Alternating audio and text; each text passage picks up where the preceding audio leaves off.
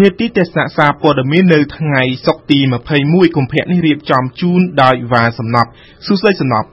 បាទសួស្តីភិរៈសំណប់តាកាសែតខ្មែរដែលចេញផ្សាយនៅថ្ងៃសុក្រនេះបានចាប់អារម្មណ៍ទៅលើប្រធានរឿងសំខាន់សំខាន់អ្វីខ្លះទៅបាទ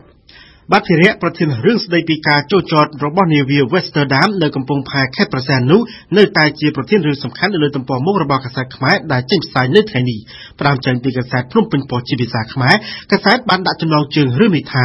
លោកហ៊ុនសែនថាការអនុញ្ញាតឲ្យនាវា Westerdam ចូលចតនៅខេត្តប្រសែននោះគឺជាការធ្វើនៅអំពើមនុស្សធម៌បើតាមភ្នំពេញប៉ុស្តិ៍ប្រមុខរដ្ឋាភិបាលកម្ពុជាលោកហ៊ុនសែនជាថ្មីម្ដងទៀតបានលើកឡើងថាលោកបានសម្រេចដោយមិនស្ទាក់ស្ទើរឡើយចំពោះការអនុញ្ញាតឲ្យនាវាទេសចរ Westerdam ចូលចតនៅកំពង់ផែខេត្តប្រសែននោះគឺដោយសារតែចង់ធ្វើអំពើមនុស្សធម៌តែប៉ុណ្ណោះនិងមិនបានគិតចង់កេងចំណេញនយោបាយនៅក្នុងប្រទេសនិងក្រៅប្រទេសអ្វីឡើយ ការគូបញ្ជាក់របស់ប្រមុខរដ្ឋាភិបាលកម្ពុជាលោកហ៊ុនសែនបានធ្វើឡើងនៅក្នុងពិធីបិទសន្និបាតបូកសរុបលទ្ធផលការងារឆ្នាំ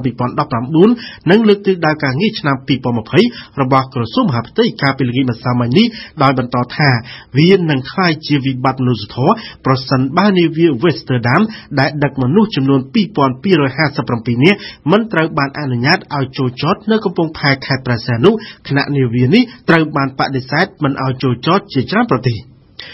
ចិនរដ្ឋមន្ត្រីការបរទេសអាស៊ានរៀបចំជំនួបពិសេសស្ដីពីការរួមគ្នាប្រយុទ្ធប្រឆាំងកូវីដ -19 ប្រភេទថ្មីនេះគឺជាចំណងជើងសំខាន់មួយទៀតនៅលើទំព័រមុខរបស់កាសែតភ្នំពេញប៉ុស្តិ៍ជាភាសាខ្មែរបើតាមកាសែតប្រទេសនិងសមាគមប្រជាជាតិអាស៊ីអាគ្នេយ៍ឬអាស៊ានទាំង10ប្រទេសបានចាប់ផ្ដើមជំនួបរដ្ឋមន្ត្រីការបរទេសពិសេសស្ដីពីជំងឺកូវីដ -19 ប្រភេទថ្មីកាលពីថ្ងៃប្រហោះនៅឯទីក្រុងវៀងច័ន្ទប្រទេសឡាវដើម្បីពិភាក្សាអំពីកិច្ចខិតខំប្រឹងប្រែងសម្របសម្រួលនៅក្នុងការប្រយុទ្ធប្រឆាំងការផ្ទុះឡើងនៃវីរុសកូវីដ -19 ប្រភេទថ្មីឬ COVID-19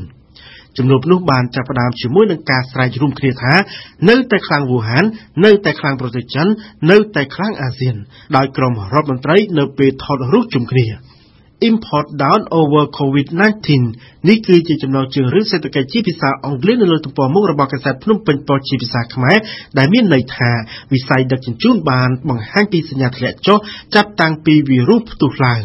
កាសែតបានស្រង់សម្ដីរបស់ប្រធានសមាគមភ្នាក់ងារបញ្ជូនទំនិញកម្ពុជាលោកស៊ិនចន្ទធីបានថ្លែងថាដោយសារកម្ពុជាមានទំនាក់ទំនងពាណិជ្ជកម្មច្រើនជាមួយប្រទេសចិនហេតុនេះនៅពេលចិនមានបញ្ហាវិស័យដឹកជញ្ជូនទំនិញនៅកម្ពុជាក៏រងផលប៉ះពាល់ដែរវិស័យនេះបានធ្លាក់ចុះប្រមាណជិត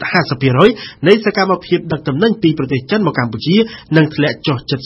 40%លើសកម្មភាពដឹកជញ្ជូនទំនិញពីកម្ពុជាទៅចិនការធ្លាក់ចុះនេះគឺមានចាប់តាំងពីអំឡុងបុណ្យចូលឆ្នាំចិនមកនិងមុនការផ្ទុះនៃមេរោគ COVID-19 យ៉ាងណាក៏ដោយតាមរយៈកាសែតភ្នំពេញប៉ុស្តិ៍ជាភាសាខ្មែរនិងអង់គ្លេសភាគីពាក់ព័ន្ធបានទទួលស្គាល់ជារួមថាវិស័យដឹកជញ្ជូនបានធ្លាក់ចុះនៅទូទាំងពិភពលោកជាពិសេសទំនិញឬផលិតផលដែលផលិតឬឆ្លងកាត់តាមប្រទេសចិននេះបើតាមកាសែតភ្នំពេញប៉ុស្តិ៍ជាភាសាខ្មែរសម្រាប់ចុះកាសែតកម្ពុជាថ្មីនិងរស្មីកម្ពុជាឬក៏កាសែតកសន្តិភាពនិងខ្មែរថាជាដើមមិនបានចុះផ្សាយរឿងនេះទេឬបានជាមិនលឺសំណប់លើកឡើងនៅមុននេះសោះបាទ